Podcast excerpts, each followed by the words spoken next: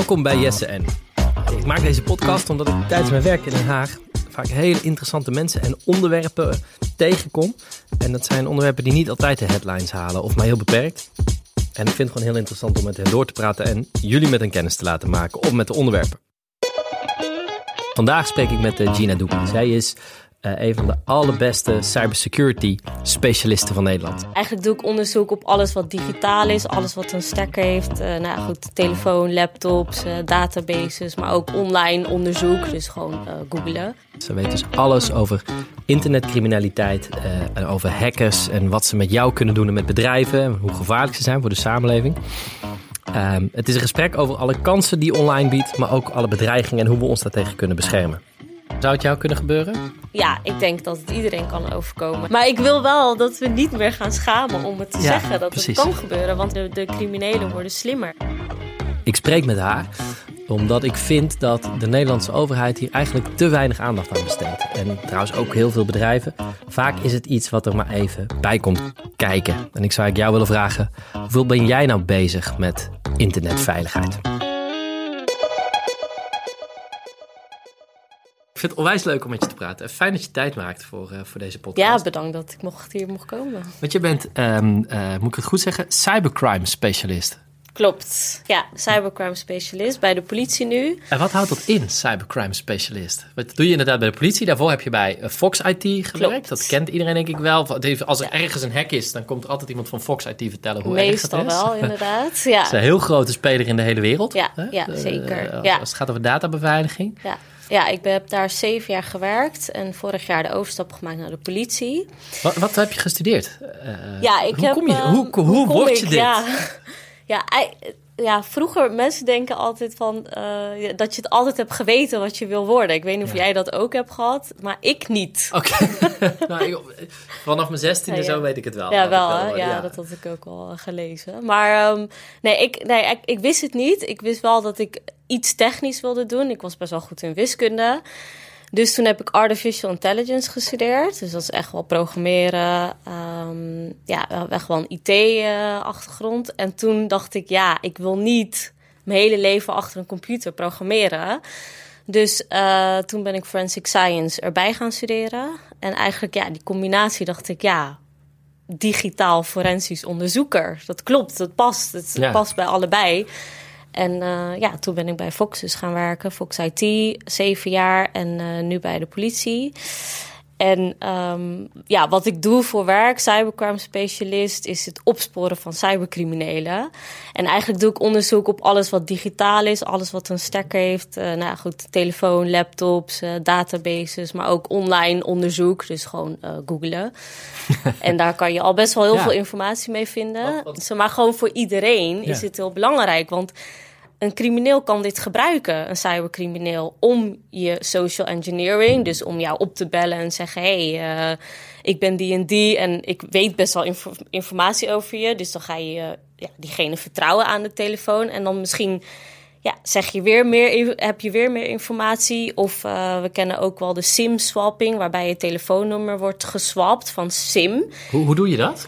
Is dat, dat klinkt, dat, dit klinkt allemaal een beetje. Ik heb nu begin licht het gevoel gekregen alsof ik tegenover James Bond zit. Oké, okay, oké. Okay, en, en, en, of Q uit de, uit de Bond-films. En ja. SIM-swapping. Is ja. dat iets super ingewikkelds? Of is dat eigenlijk, als je het weet hoe het werkt, eigenlijk best wel eenvoudig om te doen? En wat doe je dan? Ja, de criminelen gaan dan. Um, KPN of T-Mobile opbellen. En uh, ja, met informatie die ze dus hebben gevonden online of, of van jouzelf. Um, gaan ze bellen van hé, uh, hey, mijn telefoon is kwijt en uh, ik moet nu dat telefoonnummer overzetten op een andere simkaart.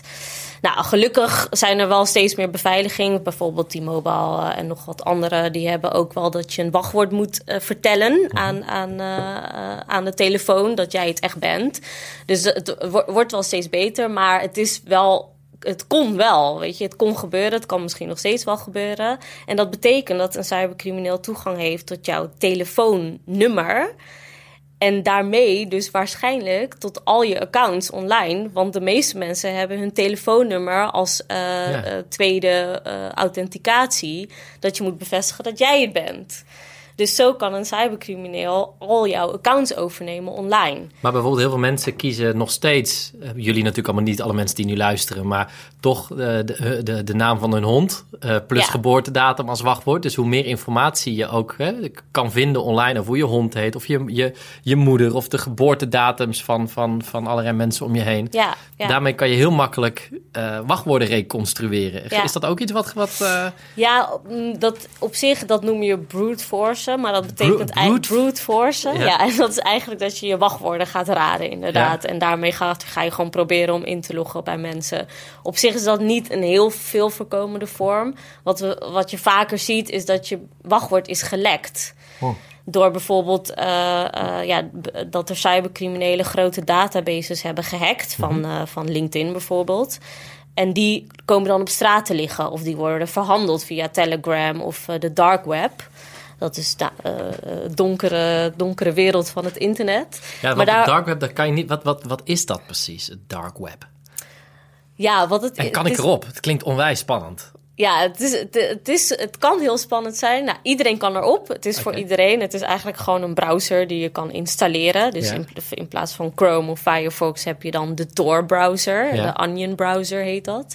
En dat zijn dus... De Onion heet het omdat het eh, een, een laagje is van, van de ui zijn de versleutellagen die je dus doorheen moet om, die, ehm, om het verkeer in zo'n browser. Ja, dat gaat wel heel technisch. Ja, maar, ja, maar, maar in principe, als jij dan van website A naar B gaat Ja. in een Tor-browser, dan zijn er laagjes van versleuteling die daarin meegaan, zeg maar. En dan is het veel moeilijker om eh, ja, diegene te identificeren. Want het gaat dus niet over het normale internetverkeer.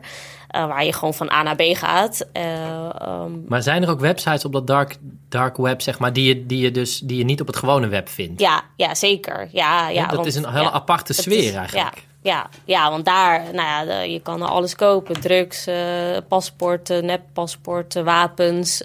ja, en er zijn het allemaal teams die dit onderzoeken en die Ja. ook online surveilleren daar. Eh, op het dark web. Maar eh, iedereen kan erop, want het is uiteindelijk ontstaan voor ehm, eh, nou, journalisten om, om met politieke vluchtelingen te communiceren. Of in landen zoals China is het ja, bijna een must om te hebben, want anders kan je niet Nee. naar normale websites. Dus ja, het, het is een goede. Het, het, het is gestart als iets, als iets goeds, als iets positiefs. Eh, alleen ja, nu is het heet wel dark omdat er hele donkere, donkere dingen gebeuren.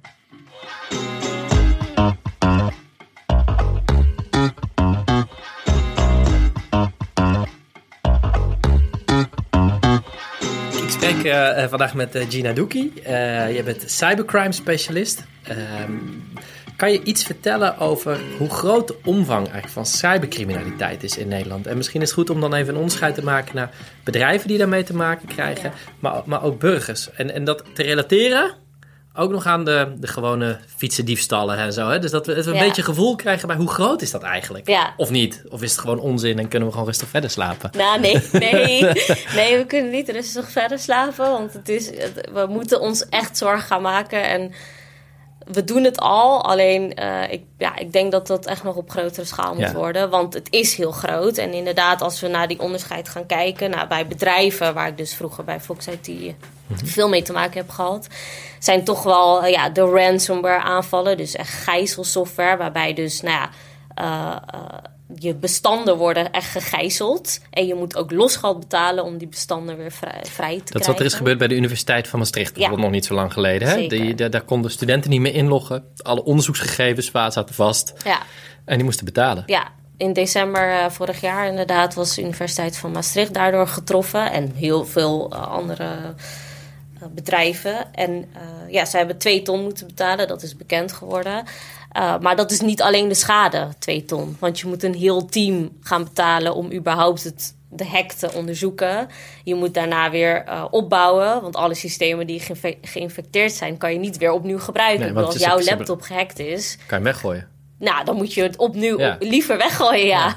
Of opnieuw installeren. Maar je kan niet weer de malware verwijderen en weer verder gaan werken. Nee, want dat heeft ermee te maken. Hè? Als ik, het, eh, ik, ik ga soms wat dingen misschien eh, te, te simpel uitleggen. Dan, als dat niet klopt, dan ga je me gelijk corrigeren. Goed. Maar het heeft ermee te maken dat als ze eenmaal in je systeem zijn geweest, kunnen ze altijd een, een achterdeurtje achterlaten. Je bent er Ja. nooit zeker van dat het echt eh, weg, als je, hè, dat je het hebt ontdekt, dat je alles hebt ontdekt. Dus het moment dat ze zijn binnen geweest, weet je, ja, dan, dan is het geïnfecteerd en Ja, kan je nooit met 100% zekerheid meer zeggen dat het veilig is. Ja, en vooral op zo'n grote schaal als Universiteit van Maastricht. Dan, ja, als ze alles hebben opgeschoond, maar nog steeds terug willen in het systeem, gaan ze inderdaad een achterdeurtje plaatsen. Dus daarvoor, ja, ook je telefoon, weet je, eh, moet je altijd gewoon eh, goed schoonhouden. En ja, als je denkt dat er iets verkeerd is of je laptop opnieuw installeren of gewoon een nieuwe laptop.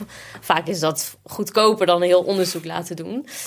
Uh, maar goed, met grote bedrijven kan dat natuurlijk Nee. niet. Want ja, vaak liggen ze plat. En dat, Ja. is, en dat is heel frustrerend van ransomware. Ze liggen plat. Ze Maar kunnen hoe niet groot werken. is dat? Ik heb wel eens een getal, een, een, een- gehoord dat twee derde van de bedrijven in Nederland al wel met, te maken heeft met cybercriminaliteit. Ja, Klopt dat? Ja, ja zeker. Ja, dat, Dat is eh, enorm. Dat is enorm, ja. Ja, en bedragen, kijk, 2 ton Maastricht.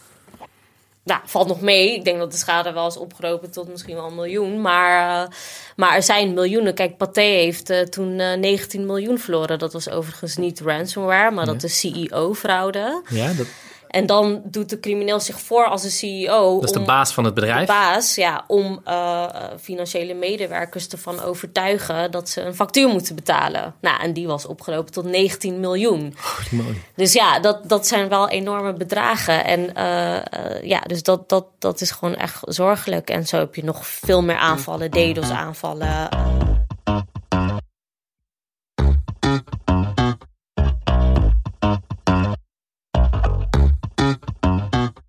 En we- praten nu met eh, Gina Doekie, de cybercrime eh, specialist. Juist om dingen waar je het misschien niet zo vaak over gaat. Of alleen de headlines haalt als er inderdaad een, een universiteit is gegijzeld. eh, de software. Hè? Eh, om eigenlijk meer informatie te geven. Dus DDoS aanvallen, ook dat horen we. Ja, Maar ik denk dat heel weinig mensen weten wat dat nou precies is. Ja. Wat, wat is een DDoS aanval? Ja, een DDoS-aanval, eh, dat is wanneer eigenlijk heel veel pakketjes wordt gestuurd naar een, een server, een computersysteem. En zoveel dat hij het niet aan kan, waardoor hij dus ja, niet meer kan werken.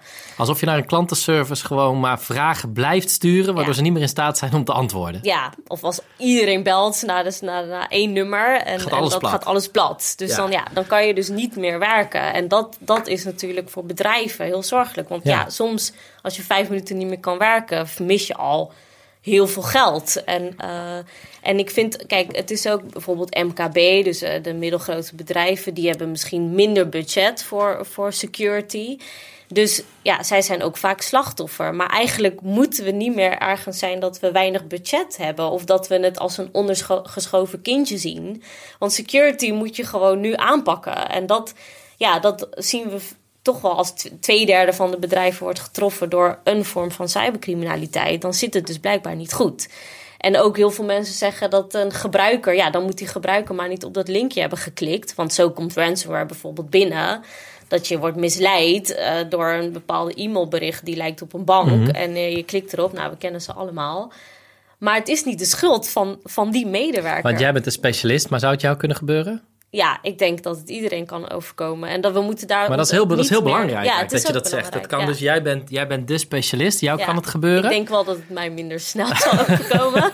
maar ik wil wel dat we niet meer gaan schamen om het te zeggen dat precies. het kan gebeuren. Want ze worden gewoon steeds slimmer. De, de criminelen worden slimmer. Ik bedoel, weet je, vroeger hadden we een soort half Engels, half Nederlandse phishing mails. Ja. Ja. dat zie je niet meer. Nee, weet je? een, een, een knappe prins. Ik ben een knappe prins uit eh, Nigeria. uit Nigeria, ja, dat, dat weten Ja. we nu allemaal wel. precies. Maar eh, ja, of, of bijvoorbeeld bij jou, jij, jij bent dan iemand die eh, bekend is. Dus misschien heb je ook wel gerichtere aanvallen die je ziet, weet Mhm. je. Ja, kan je jou blamen dan als je daar op zou klikken een keer? Ja. Ja, weet je, dat, dat niet, denk Nee. ik. Alleen we moeten wel ervoor zorgen of een maatschappij creëren. Hoe gaan we het dan aanpakken? Maar het is wel belangrijk wat je zegt, hè? want die schaamte, dat is een belangrijke reden. Er, wordt weinig, relatief weinig aangifte van gedaan. Mensen denken, of wordt het verteld, ook in organisaties, Ja. van nou, laat maar zitten, want dit is echt zo dom. Ja. Eigenlijk is jouw belangrijkste oproep, als je op zo'n linkje klikt, het kan echt iedere, ja, het kan Ja, iedere, iedereen, echt iedereen ja. gebeuren. Ja.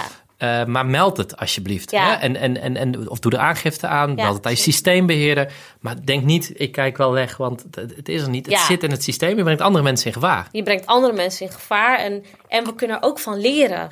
Als iemand erop heeft geklikt, of hoe Universiteit van Maastricht alles naar buiten heeft gebracht, hoe ze het hebben opgelost, daar kunnen anderen weer van leren. En ja, die twee derde, misschien is het wel iedereen, weet je. Ja, of alle bedrijven gaan uiteindelijk een keer iets tegenkomen van cybercriminaliteit. Want het is niet de vraag, weet je, wanneer, wa- of je wordt gek, maar wanneer. En dat, dat zeg ik altijd. Ik zeg heel veel dingen ook, ook vaker, maar we zijn er nog lang niet. Nee.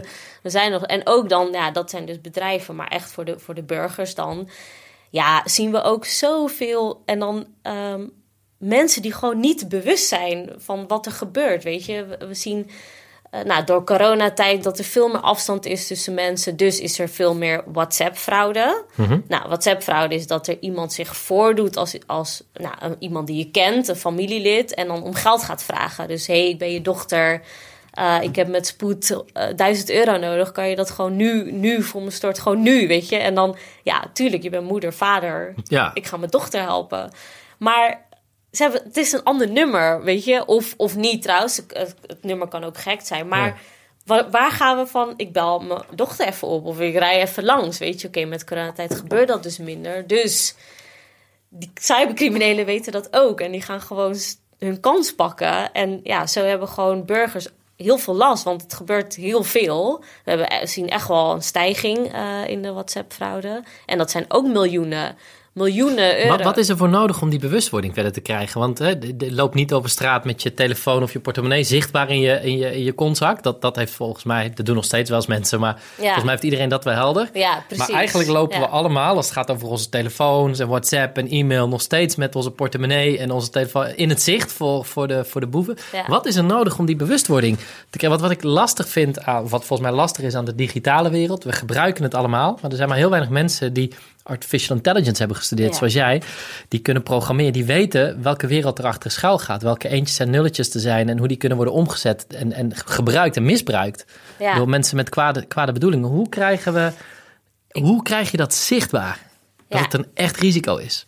ik, sowieso om erover te praten, dat is al gewoon stap één. En dan in, in begrijpelijke taal, weet je. Kijk, ik kan inderdaad vaak technisch overkomen, maar ik probeer het Nou, wel ik vind dat helder, heel erg meevallen. Helder, ja. Ik, ik wil het helder uitleggen Ja. voor iedereen. En ook, kijk, bijvoorbeeld de ouderen eh, begrijpen minder wat er op het internet gebeurt. Dus we moeten ook de ouderen gaan ehm, helpen om daar bewust van te worden. Maar ook de jongeren die opgroeien met het internet. Wij kennen die tijd niet dat we op de basisschool, middelbare school een telefoon hadden. Maar dat is nu wel aan de orde. En ja, zij eh, zien ook niet altijd de gevaren. En hoe ga je die jongeren aanspreken? Door de verhalen te delen. Ik bedoel, sextortion, dat is waarbij er, nou ja, je Snapchat-account wordt gehackt en pikante foto's, eh, eh, waarbij je bedreigd wordt dat je pikante foto's op straat worden gelekt of naar je familieleden wordt gestuurd dat is heel heftig. Dus het is niet, ik vind dat we moeten ook gaan realiseren, het is niet alleen financieel waar de cybercriminelen achteraan zitten. Het gaat niet alleen om geld. Maar het gaat, ze kunnen ook emotionele schade aanrichten. En ook bij jongeren, weet je, dat, is, dat gaat voor hun hun hele leven misschien achtervolgen. Nu luisteren best wel veel jongeren ook naar de, naar de Ja. podcast, eh, weet ik. De, ehm, en stel je nou voor, je wil gewoon, je wil, je wil, eh, je, hebt plaatjes van jezelf, blootfoto's van jou of van je vriendje of van je vriendinnetje en, en je wil, wil dat toch met elkaar delen. Eh, wat zou jouw advies dan zijn? Ja, niet doen. Gewoon niet doen. Nee. Eigenlijk zeg jij niet doen. Nou ja, ook- ja nee, nee, nee, eigenlijk, eigenlijk niet. Weet je, ik bedoel, ja, ik snap dat het, dat het spannend is en eh, eh, Je bent ver bij elkaar vandaan. ver bij elkaar en, en je wil vandaan. even, even spannend fotootje sturen. ja, nou ja, goed. Ik, Moet toch kunnen? ik zou sowieso nooit je gezicht erop doen. Oké, maar dat is eigenlijk al heel, heel, heel praktisch. Ja, ja, dat is regel nummer één, dat je niet herkenbaar bent. Ja. En dan goed, dan kan je ook weer nadenken over dat het tegenwoordig kan je gewoon een gezicht erop plakken, weet je. Maar ja, dat, Ja. Kan, al, dat kan altijd, ook met Ja. een lichaam wat niet van jou is. Nee, dus, dat zou ik ehm, dan het liefst hebben. Dat is dan een heel mooi lichaam kiezen. Als ze dan toch doen, Ja, dan, precies. Ja, doe dan maar... doe dan het lichaam van Orlando Bloom of zo, waar ze mijn eh, hoofd op plakken. Ja, precies. ja. Ja, maar dat, eh, ja, dat, dat is dan misschien een enige tip. Maar ik zou gewoon echt Heel voorzichtig heel zijn voorzichtig eigenlijk. zijn. En ook, eh, stel, we zien ook dat heel veel mensen nog paspoort, je, een foto van je paspoort in je e-mail bewaart. Ja, niet doen. Nou, Oké, we zijn nu eigenlijk in het... Eigenlijk, eigenlijk, dat wilde ik later doen, maar dat gaan we gewoon nu doen.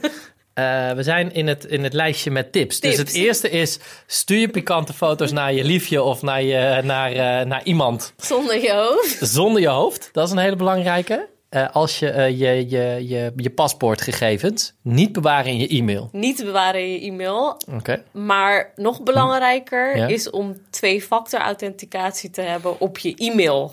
Dus als je al iets op in je e-mail Ja. hebt qua Ja. belangrijke informatie, eigenlijk to- twee-factor authenticatie op alles wat je hebt digitaal is Wat is belangrijk. dat? Twee-factor authenticatie. En dat is een manier, is eigenlijk dat je een tweede stap van verificatie moet doen om in je account te komen. Dus nou, de meeste mensen hopelijk kennen het al, maar in je e-mail is dat dat je bijvoorbeeld een sms'je op je telefoon krijgt en dan met die code kan je weer inloggen.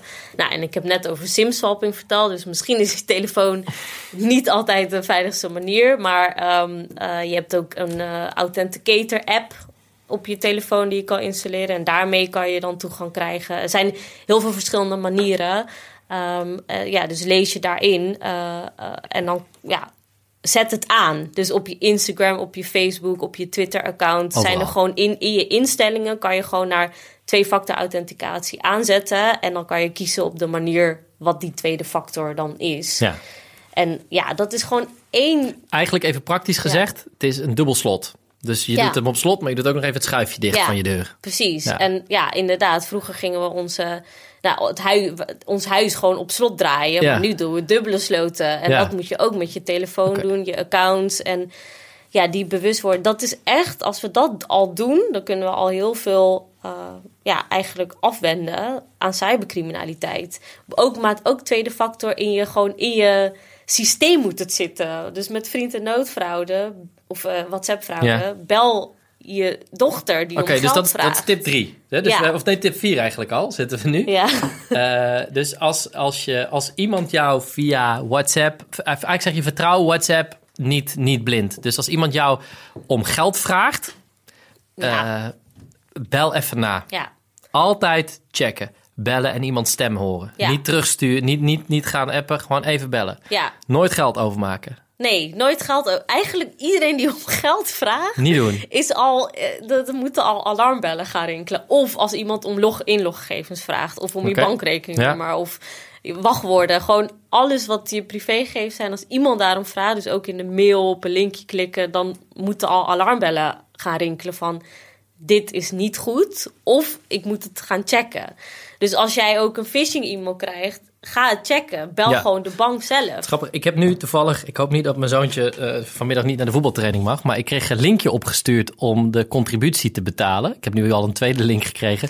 Ik heb het nog niet gedaan, omdat ik de penningmeester nog niet heb gebeld om te vragen. Of het, ja. Of eh, omdat ik het niet, ik ken, ik ken eh, we zitten, zijn er net nieuw bij deze voetbal, Ja. hij zit net op voetbal, dus ik ken het nog niet, hoe het werkt. Er is mij wel iets verteld over dat dat allemaal digitaal gaat. Maar ik heb een linkje gekregen wat ik niet ken. En dan, dan, ja, dus ik heb nog niet, ik weet Nee. niet als de penningmeester nu luistert, sorry. Eh, maar ik heb nog niet betaald. Eh, maar eigenlijk zeg je, eh, kan ik gewoon zeggen, Gina vond het goed dat ik nog niet heb betaald. Ik had Ja, misschien zeker. eerder moeten bellen. Ja, om toch even te checken of het, of, het, of het echt van de club is. Ja, dat Wat daar nou, dan klopt dat jullie mij op, op die datum dat, dat sturen. Maar dat is wat je bedoelt eigenlijk. Als je iets krijgt waarvan je niet weet.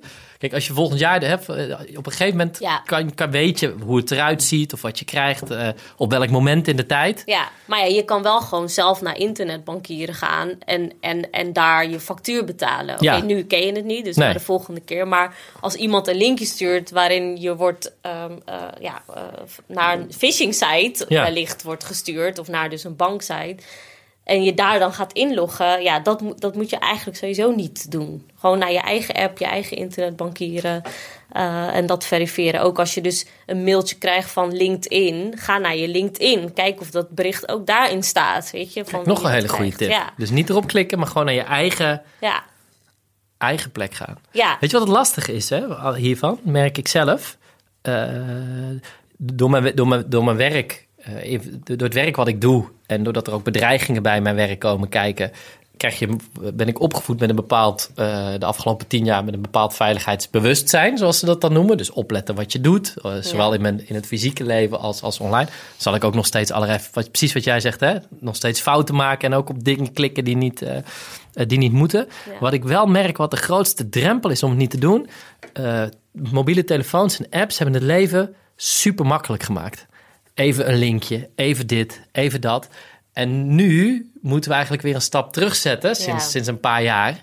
Eh, op, op, moeten we inleveren op comfort. Eh, omdat we het allemaal zo makkelijk was. En nu moeten we weer allerlei extra stappen zetten. Ja. En ik bemerk bij mezelf dat ik daar, als ik weer iets nieuws komt, dan krijg je weer door van, nou, er is weer, er wordt hierna gevist of dat. Nu moet je deze stap zetten. Verdorie, het was net zo makkelijk. Ja. Eh, Ja. En, en je, je levert in op, op hoe makkelijk het leven is eigenlijk. Ja. Waar apps het Maar leven dat is makkelijker altijd maken. met beveiliging. Ik bedoel, ja, ik wil ook mijn huis niet op slot doen, want dat is makkelijker. Maar Ja. dat doen we toch allemaal. Weet je? Dus ja, we moeten ergens die shift gaan maken van denken over, over ook onze digitale veiligheid. Is dat de reden waarom je ook de overstap hebt gemaakt naar de politie? Want je hebt zeven jaar in het bedrijfsleven eh, gewerkt. Ja. Nu zit je bij de, bij de politie. Waarom, waarom ben je naar de politie gegaan? Ik denk inderdaad dat ik, ik, dat ik... Ik heb het gevoel alsof ik hier meer impact kan maken. En eh, kijk, de slogan van Fox IT was For a More Secure Society. En ja, bij de politie doe je het allemaal voor de maatschappij. En in, dat, je, dat je veel dichter bij de, bij de mensen zit. Eh, want een van onze taken is ook om eh, meer bewustzijn te creëren, zoals dingen wat ik nu doe. Maar ook om uiteindelijk te verstoren. Want ja, ik kan wel achter boeven blijven gaan, maar ik, als ik die ene boef eruit haal, komt er weer een andere. Dus het, dat gaat uiteindelijk niet werken, weet je. Dus we moeten na- nadenken over hoe gaan we cybercriminaliteit verstoren. Ik bedenk me net dat ik hier ook een veiligheidsfout zit te maken. En dan gaan we door op het verstoren hoor. Ja. Eh, want er staat de camera op. Ja. Ik weet eigenlijk niet of die mijn, eh, mijn, iPad, kan, eh, of die mijn iPad kan zien. Maar, eh, oh nee, ik heb hier geen afbeelding. Dit is mijn werk-iPad, dus hier zit er geen eh, afbeelding van mijn kinderen op. Nee. Maar ik heb wel mijn code een paar keer, eh, Ingetikt. een paar keer ingetikt. En Oh. dat, dat zie je nu op camera. Het wordt niet gelivestreamd. Nee, oké. Dat is maar, wel- maar als we het er nu toch trouwens over hebben, Ja. voordat je het weet, kan iedereen zien wat ik hier heb gedaan. Ik denk dat het in de montage wel, in de montage wel, wel goed. Ik zie de cameraman driftig knikken. Dat, dus dat, is wel een goede bewustwording. dat, dat komt goed. Maar volgens mij zie je nu. Eh, het lijkt nu net alsof, alsof, dit is ge, alsof het is gepland. Maar nu, nu ik zo de camera zie en we zitten te praten, denk ik ja, ook dit. Nou ja, zo snel volgens mij kan Ja. het. Zo snel kan, kan je een fout maken.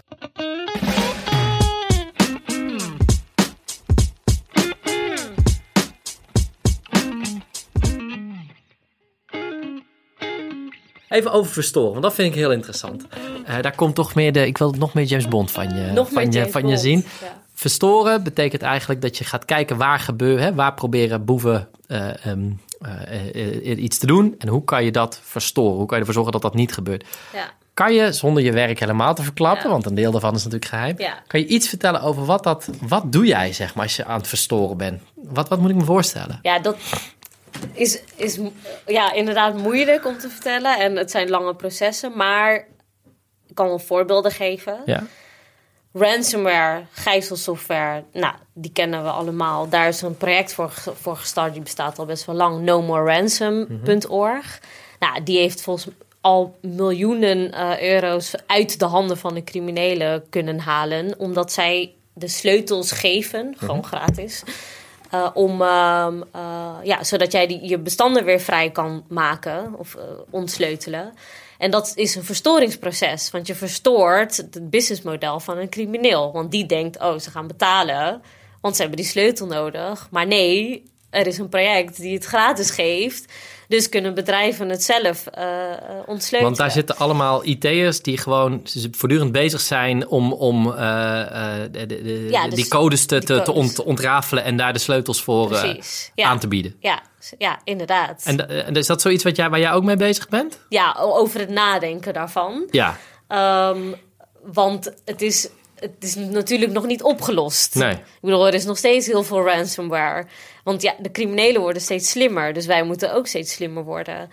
Ehm, en een van de verstoringsprocessen is wellicht, dat is dan, ah, dat denk ik dan, maar dat we wel meer bewuster moeten gaan leven. Dus als we allemaal een tweede factor authenticatie implementeren, dan kunnen we heel veel verstoren. Dat kan, maar we moeten het wel gaan we doen. moeten het wel met z'n allen. Hoeveel mensen hebben dat nu? Bijvoorbeeld, eh, we- we- is dat, zijn daar cijfers van? Oh, dat we weten hoeveel mensen dat vraag. op, op Facebook, Instagram, eh, mailboxen. Dat is een goede vraag. Nee, dat, nee, dat weet ik niet. Nee, ik denk, ik denk zelf nog niet heel veel. Nee. Nee. Echt. eh, Ik denk ik zelf, dat denk ik zelf ook. Ja. Ik heb het er wel eens met vrienden over. Ja. Ze zeggen, nee, vind ik allemaal zo gedoe. Ja, is allemaal gedoe. Ja. Ja. Ja. want we zijn zo gewend gewoon een wachtwoord en gebruiksnaam en dan klaar. Ja. En ik heb, ik heb me begin van mijn verhaal niet eens afgemaakt, maar die database lekken, Ja. waarbij je wachtwoorden dus op straat liggen, dat is dus niet eens aan jou, want Nee. jij hebt niet iets gedaan, weet je? Oké, ja, ligt ook al heb je het moeilijkste wachtwoord ever.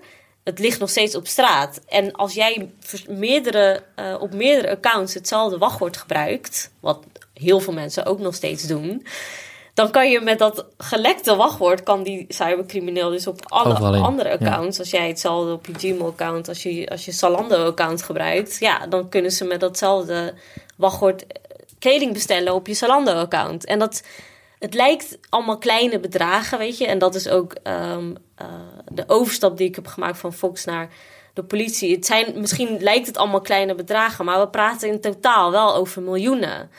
En hoe gaan we die criminelen... En het zijn ook niet meer... Waar, die men, criminelen die vroeger ehm, huizen gingen beroven... die doen nu aan cybercriminaliteit. Het Ja. is niet meer zo moeilijk. Dus Zou ik het, hoe lang duurt het? Dus ik, ik overweeg nu een carrière switch. Ja. Ik wil cybercrimineel worden. Ja. Ik, heb het, ik heb nu met je gesproken. Ik denk, dit is het einde. Ik ga bij jou in de opleiding. Eh, binnen hoe, hoe snel kan, kan, kan- Kijk, jij kan, jij, kan, jij kan iedereen hier die hier nu in deze studio zit oplichten als je, als je zou willen. Met de kennis die je hebt. Maar stel je voor dat ik het wil worden. Hoe, hoe snel zou ik me dit eigen kunnen maken om, om een eerste... ja, heel snel. Je kan op YouTube of op de dark web kan Ja. je gewoon googlen naar hoe moet ik eh, eh, een phishing website maken. Dat kan je gewoon googlen. En Dus dat met zijn basic knowledge kan je dit gewoon Ja, kan je dat ge- of je kan het kopen. Er zijn Telegram groepen waarbij je gewoon een phishing panel kan kopen. Of op de dark web kan je een ransomware kit kopen. Dus ja, het, ransomware kit ja, dus dat, en dan gewoon met een stappenplan hoe je het moet gaan uitrollen. eh, en, en dan een phishing website of een phishing link naar een medewerker sturen. En je hebt een hele bedrijf platgelegd. Maar er is gewoon een, een, dus een markt voor blijkbaar. Dus er, is, er zijn IT-bedrijfjes, die, bedrijven, die dit dus op de markt brengen. En die dit een product zien wat ze willen verkopen. Zoals een wapenha- wapenhandelaren zijn. Ja, en het zijn echt bedrijven. Ransomware bedrijven. En maar weten we wie dat zijn? Niet, we weten wel groepen. We weten wel wat Ja. voor groepen erachter zitten. Want dit zijn niet, ik bedoel, bedrijfjes, eh, dat- klonk, daarmee maakte ik het kleiner. Ik bedoel, wat ik eigenlijk bedoelde te zeggen. Het is niet dat dit, dat ze net als Microsoft dat, dat heel groot op de gevel hebben, hebben Nee, staan. Wij nee. maken ransom software, Ja. toch? Dat is niet eh, thi- Think Different, Apple, eh, wij hebben ransom software. Nou ja, op de dark web zijn het wellicht wel bekende groeperingen die ja, weten dat je ransomware maakt. Eigenlijk nog twee, twee belangrijke vragen. Eén gaat over de mensen en één over, de, je zei we moeten hier veel meer geld aan uitgeven. Eh, laten we beginnen bij het geld. Gaan we, de, de mensen is nog leuker, daar gaan we, daar gaan we straks heen. Ja. Hoeveel meer geld is er dan nodig en op welke plekken? Dus dan heb je huishoudens die hier eigenlijk meer geld aan moeten uitgeven, bedrijven, maar ook de overheid. Nou, laten we eens kijken, wat, wat zouden bedrijven nou moeten doen? Of wat zouden die hier meer aan moeten uitgeven? Of hoe moet dit beter verankerd zijn in het, in het bedrijfsmodel? Ja. Ja, bij bedrijven, heb, ik heb het, eerder gezegd, het moet niet het ondergeschoven kindje zijn. Of de systeembeheerder die dan security erbij krijgt als taak. Van, nou, ga jij maar even kijken hoe we secure kunnen zijn. Dat, dat kan niet meer, weet je. Je moet een dedicated afdeling hebben. De- Er is wel een positieve verschuiving, want de bedrijven hebben ook zelf wel door dat het een Ja. businessmodel is. Dus ze moeten wel. Eh, dus dat gaat nog ja, relatief, denk ik, wel eh, steeds beter. Uh, maar bijvoorbeeld, het moet dus niet aan die medewerker liggen dat ze aan een, op een linkje hebben geklikt. De infrastructuur moet er gewoon zijn dat iedereen op een linkje gewoon kan klikken en dat er niks gebeurt. Maar ja, dat betekent ook weer dat we Gescheiden, minder gescheiden netwerken. gescheiden netwerken. Ja. Ja, of, eh, maar dat betekent ook dat we misschien minder gebruiksvriendelijk worden. Dus ja, dat is elke keer steeds een Dus even afweging. in je organisatie, je hebt een, een, een, een netwerk waarmee je naar buiten kan. Dus waarbij je op linkjes kan klikken, de betaling voor de sportclub kan doen als, er, eh, eh, als je het op je werk eh, doet. Eh, en je hebt een netwerk waarmee je bij alle data komt die belangrijk is voor je bedrijf. En dat is afgesloten. Ja, klopt. Ja, maar ook binnenin de- het bedrijf moeten Ja. er scheidingen zijn. Precies. Dus, eh, waar je Chinese walls en, tussen eh, de- je productiesystemen. Ja, dat moet allemaal afgescheiden zijn, zodat het niet daarheen kan. En, maar vooral je backups. Je backups zijn het belangrijk, ook voor, de, voor je privé Ja. eh, omgeving. Want ja, onze wereld is gewoon digitaal. Dus Ja. we moeten die goed beveiligen. Oké, je. dus dat zijn ja. de bedrijven. Dat, Ja. is ook, dat is ook. Wat kan de overheid beter doen hierop? En wat, wat moet er nou. Na maart hebben we een nieuw kabinet. Wat moeten die als het over cyber gaat? Wat, waar moeten die in investeren? Ja, voor de overheid. En dan, dan heb ik het misschien ook wel over gewoon eh, de gemeentes, de steden. Of in ieder geval de, alle systemen in, in de overheidsorganen. Die eh, zien de noodzaak er misschien nog niet per se van in. Zoals de bedrijven. Want het is niet hun core business. Of als ze zij plat liggen, dan gaan er klanten weg. Het is, het is niet commercieel. Dus daar is het al helemaal een ondergeschoven kindje. En ehm, eh, ja, is het, is het vaak niet goed op orde. In Amerika zie je al dat hele steden worden platgelegd. En ja, dat, dat, de overheid daarvoor moet opdraaien. Als, als een stad plat ligt, een gemeente door ransomware, wie moet dat dan gaan betalen? Ja, Ja, dus dat is wel. Jij en een- ik. ja, Ja. precies. En iedereen die ik luistert En degene en- die ja. luisteren. Ja. Dus dat is wel zorgelijk. En in Nederland is het volgens mij nog niet op hele grote schaal gebeurd. Maar ehm, eh, ja, ook daar moeten we heen om, om daar geld voor uit te trekken. En serieus geld. Want je gaat meer geld kwijt zijn als het een keer gebeurt. En dan, heb je, dan moet je het geld aan ook nog de crimineel gaan geven. Ten, terwijl je het liever wil investeren in, eh, be- voorkomen. betere, ja, in betere systemen. Ja. oké. dus je zegt bij de overheid moet het meer top of mind zijn. Ook daar moet data security, moet iemand apart, daar heb je aparte afdelingen voor nodig. Dedicated teams. En daar moet je dus veel geld voor uittrekken. En dat Ja. voortdurend blijven ontwikkelen. Want dat is eigenlijk eh, zo snel als dat je appjes moet, de, de, Ja. apps op je telefoon hebt, omdat je ze weer moet updaten, omdat er weer een verbetering is, of dat er een bug in zat. Dat geldt ook voor je beveiliging. Dat Ja. is voortdurend een proces. Dat is niet even dit klaar hebben staan en verder. Nee, nee, en dat is natuurlijk de digitale wereld. Hoe snel het ja, wijzigt. En ook voor, voor mij in mijn werk. We moeten continu eh, Ja. voorbereid zijn op nieuwe dingen. En dan hebben we de komende jaren onwijs veel techneuten nodig. Eh, en eh, en we hebben nog veel meer Gina's nodig, die, eh, die nog wel meer dan raketgeleerden. Hè? Om, om het even goed te maken hoe ik deze, deze aflevering... Hoe we zijn begonnen. Ik ben blij dat je nog wilde, Nee, ik ben wilde heel trots praten. op mijn zussen. Dus Ah, nee, heel goed. Eh, maar dat betekent wel dat er nog meer mensen voor, voor, voor, voor deze sector moeten kiezen. En voor deze opleidingen. Ehm, wat zou jouw warme aanbeveling zijn? Waarom moet je dit gaan... m- mijn, mijn oudste is zes. Waarom zou hij dit, eh, waarom zou hij dit moeten gaan studeren straks? Als die, eh, Ja. eh, Ja, ik hoop dat als mensen nu naar mij luisteren, dat ze ook enthousiast worden over, over eh, het werk wat ik doe. Want ik zit niet alleen maar achter een laptop. Nee. Laat dat even duidelijk zijn. Want dat is denk ik waar heel veel mensen voor schrikken. Ik wil niet alleen maar achter een laptop een zitten. zolderkamertje. In een zolderkamer. Ja, terwijl je eigenlijk de hele dag al op je telefoon zit. Dus weet je, het is, tegen, het is niet eens meer zo'n grote stap. Want we zijn al, allemaal digitaal aan het worden. En ik ga dus mee in de operatie. Weet je, Ja. Je bent ook wel echt dicht bij de mens. eh, bij eh, wat er gewoon gebeurt om je heen. De criminaliteit. Je probeert de maatschappij beter te maken. Of iets... ehm, ja, in ieder geval iets, een klein beetje, een stukje. Als ik één persoon kan helpen of één iemand kan motiveren, inspireren om dit werk te doen. Ja, ik hoop dat het er meer zijn, want we hebben natuurlijk veel meer voor nodig. Kijk, je bent zo van Ehm, digitale hulp verlenen. Ja, Zoals ja. iemand, er- als er een ongeluk is, de politie naar je toe komt rijden om, om te helpen. Of, of een ambulancebroeder ja, of zuster. Eh, dat, dat, dat, Dan kom dat, ik dat, dat doe jij nu Ja. online. Ja, En dat is online. eigenlijk dus, Ja. er is een, iets toegevoegd aan wat hulpverleners kunnen doen. Namelijk online eh, komen helpen. Ja, precies. En ik denk dat dat wel ehm, mensen ja, hopelijk aantrekt om dat dus ook te kunnen doen. Eh, en ja, weet je, je moet wel inderdaad wat technische opleidingen volgen. Maar ook dat, ja, je hoeft, kijk, je hoeft niet artificial intelligence te studeren, wat ik heb gedaan. Ik bedoel, er zijn best wel al veel studies nu eh, die, eh, eh, ja, Wat voor soort studies? ja, op eh, Hogeschool Leiden heb je, als het goed is, foren, forensisch onderzoek. Ja. Of ICT, ICT forensisch onderzoek. Nou, dat is best wel een leuke studie. Veel mensen die, die daarvan afkomen kennen, of in ieder geval die komen in mijn veld. Ja, ja. Ehm, maar ook, wat, en wat ik ook nog wel wil zeggen, zoals inderdaad eh, eh, jouw zoon, juist die jongeren hebben we echt nodig. Want we moeten, die, die jongeren groeien hiermee op. zij zijn de hele dag op hun. Nou goed, ze zijn een groot deel van hun, van hun leven in de digitale wereld. Daar moeten we ook voor waken, overigens. Maar Zeker. zij kunnen veel sneller, sneller schakelen dan eigenlijk ik al. Ook al nou, ben ik hopelijk nogal jong. Maar, maar eigenlijk de nieuwe generatie van nu zie je al dat zij veel sneller kunnen denken over nieuwe technologieën. die dan wellicht cybercriminaliteit kunnen stoppen. Dus eigenlijk moeten we daar zo snel mogelijk mee, eh, mee beginnen. Nou, het- eigenlijk waar ik nog aan dacht, als je het hebt over veiligheid, ik zou bijna zeggen, dit, zou, dit hoeft niet een heel vak op school te zijn, maar ik zou willen dat ieder kind op school uitleg krijgt over eh, eh, Ja. de veiligheid en hoe je gechanteerd kan worden en hoe je dat eigenlijk met relatief eenvoudige middelen kan beschermen. En dat je, zoals spreken, in de klas zelf twee uurtjes zo'n les hebt en het hebt over sextortion en wat nou als je Ja. een fotootje stuurt en wat gebeurt daar. Nou, laten we dan nu, wie wil dat, dat je gelijk in de klas met elkaar die twee-staps eh, verificatie eh, eh, Ja. instelt. En, Ja. en dat je, dat, is wel, dat neem ik in ieder geval nog wel mee ook uit het gesprek. Ja. Waarvan ik dacht, oh ja, dat is, dat, we zouden echt ook jongeren daar veel bewuster van moeten maken. Ja. Welke risico's er zijn. Want ik zie bij die.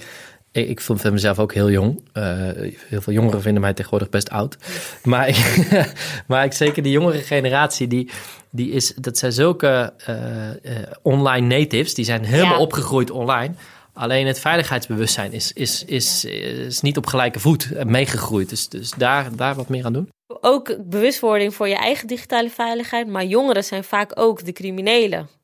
En ze kunnen heel snel de stap maken naar een strafbaar feit. Als jij met je ex-wachtwoord inlogt op haar account, dan ben je, Ben je strafbaar. strafbaar. En daar moeten we ook veel meer bewustzijn creëren. Dit- dat ik schrik nu, dit, oh ja, Ja. dat had ik eigenlijk helemaal niet door. Ja, Ja. het is computervredebreuk, dus je bent strafbaar. Computervredebreuk. Dat is artikel 138 AB en daar staat vier jaar op. Dus Vier, wow. ja, Dus voor iedereen die wel eens heeft ingelogd met het wachtwoord van zijn ex. ja, Oké. ja. Even ter check. Eh, mijn vrouw en ik loggen wel eens in op elkaars eh, eh, e-mail. Met toestemming. Ja, dat, nou, ja. Ja, we weten van goed. elkaar dat we het doen. Ja. Dat kan toch? Ja, dat kan. Oké, Ja. dat is goed. Als je maar twee verificatie hebt en als je Juist. maar... ja. Oké. Oké. Ik wil nog één ander ding aan je Ja. vragen. We hebben het nu heel erg over cybercriminaliteit gehad. Maar we hebben ook, zoals dat met een chic woord zeggen, statelijke actoren. Oftewel andere landen die niet zoveel goeds in de zin hebben. Nou, dan gaat het bijvoorbeeld over Rusland. Daar is heel veel geweest over hoe ze de, is al actueel, hè, de, de vorige verkiezingen in de Verenigde Staten Ja. hebben beïnvloed. Ook al wordt gezegd dat ze dat bij het Brexit-referendum hebben, hebben gedaan. Ja. Ehm, we lezen in heel veel openbare bronnen ook over eh, China. En dat China probeert zoveel mogelijk economische geheimen te stelen. Is dat ook een gebied waar jij mee bezig bent? Eh, met met, met, met nou ja, dat deel van de, de, de, het cyberdomein? Ja. ja, bij Fox IT helemaal. Ja, Eh, ik weet niet of je het boek van Hype Motorkolk hebt Ja. gelezen, maar daar wordt heel veel Fox IT ook genoemd, dus daar, daar zeker. Ehm, en eh, heel veel cybercriminelen komen ook uit het buitenland, of in ieder geval, dat is ook het moeilijke van het opsporen. Soms stopt het, omdat we, ja, een rechtshulpverzoek noem je dat, maar je gaat gewoon hulp vragen aan, aan het land waar, waar dan ja, het IP-adres vandaan komt bijvoorbeeld. Eh, die zitten in het buitenland. Dus ehm, eh, dat is inderdaad eh, de statelijke acteur. Oké, op het statelijke actorenniveau moet je inderdaad gaan denken aan de verkiezingen in 2016. Maar ook bijvoorbeeld wat ik me afvraag is Universiteit van Maastricht was vorig jaar december. We weten dat een Russische groep erachter zitten, maar niemand praat daarover. En wat gaan we daaraan doen? Want de EU heeft nu volgens mij sancties gelegd over, op de OPCW-hack van, de, van de Russen, die voor de deur stonden voor de OPCW. Nou, dat is een go- goede vooruitgang. Maar van Universiteit van Maastricht, wat gaan we daar tegen doen? Of want daar is het helder van dat het van Russen afkomstig is. ja, volgens, volgens mij wel. Eh, eh, we- volgens mij weten we de groep, we weten niet de personen.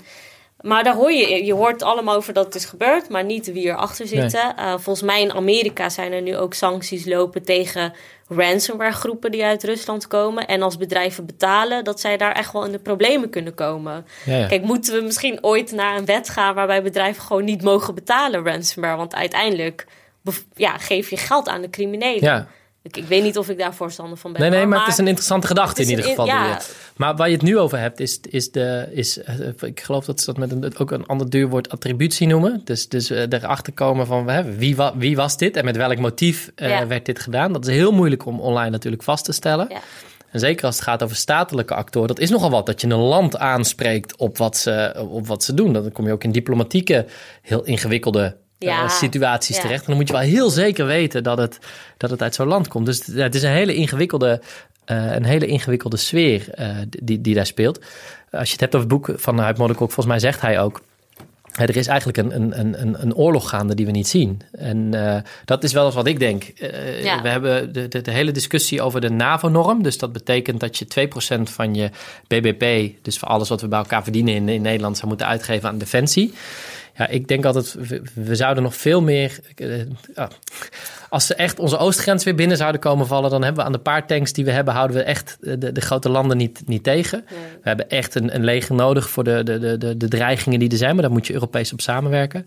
Maar als het gaat over cyber, daar, daar is gewoon een oorlog gaande. En als we niet oppassen, we doen het best wel goed, maar als we niet oppassen, verliezen we die. Ja. En als je ergens 2% van je BBP in zou investeren, dan zou het wel eigenlijk in de, de, in de cyberverdediging zijn. Eh, want, want dat Ja. is zo groot aan het, eh, eh, aan het worden. En, en dat, is, ja, dat ont- onttrekt zich aan het oog. Maar de gevolgen ondervind je, kun je er wel kun van je ondervinden. ervan ondervinden. En ja, het is de oorlog misschien die jij niet ziet, maar ik in het veld bijvoorbeeld wel, wel. ja. En we, moet, we praten er gewoon te weinig over om het echt zichtbaar te maken voor de mens. Maar ja, ik ben het eens en ik hoop inderdaad dat jij daar wellicht meer in zou kunnen betekenen. Ja, nee, ik hoop. De eh, de- ik, ga me, ik ga er mijn uiterste best voor doen. Want ik vind het onwijs belangrijk. En eh, ik denk ook wel, eh, dat zie je denk ik ook wel in de Tweede Kamer met de nieuwe generatie politici voor wie. Eh, eh, eh, wij zijn toch allemaal iets meer opgegroeid met online. En nogmaals, ook wij maar zullen fouten maken. En er kan van alles Ja, gebeuren. Dat, dat, dat, Ja. eh, maar iets bewuster over hoe de, wat, ja, dat de online wereld niet alleen maar kansen biedt, maar ook, ook gevaarlijk is. Ook voor Nederland. En ik zie daar wel een soort van bewustwording bij een hele nieuwe generatie politici. Dus ik hoop dat we daar ook in het volgende kabinet een stevigere stap op gaan zetten. Dankjewel Gina. Onwijs bedankt. Eh, eh, ja, ik ben erg onder de indruk van wat je allemaal hebt verteld over het werk wat je doet. En wat ik heel leuk vind is, en wat ik ook hoop dat, dat de luisteraars hebben meegekregen, is dat eh één, dat, dat ze hebben gehoord en gezien dat, dat, dat eh, bezig zijn met, met, met cyber en IT niet een, een, de nerdenwereld is in, Nee. in de klassieke zin. Met het, het, het borst, het, de, de pennen in het borstzakje en het brilletje wat heel Je vaak hebt zo... ze wel Eh, overigens. nee, nee, maar niks ten nadele daarvan. En alleen maar achter een laptop zittend en nulletjes en eentjes bekijken. Dit gaat gewoon over. Dat is al lang niet meer de wereld. Hè? Nee. De, de, de, de- onze hele digitale wereld, dat is onze wereld waar we dagelijks in leven. Eh, volgens mij heb je heel mooi vandaag laten zien en horen dat, dat, dat we in die leven, wereld leven en dat die wereld veilig gehouden moet worden. En dat doe je, dat doe je iedere dag Ja, eh, als eh, cybercrime specialist. Ik vind het mooi klinken. dankjewel. Onwijs bedankt. Dankjewel.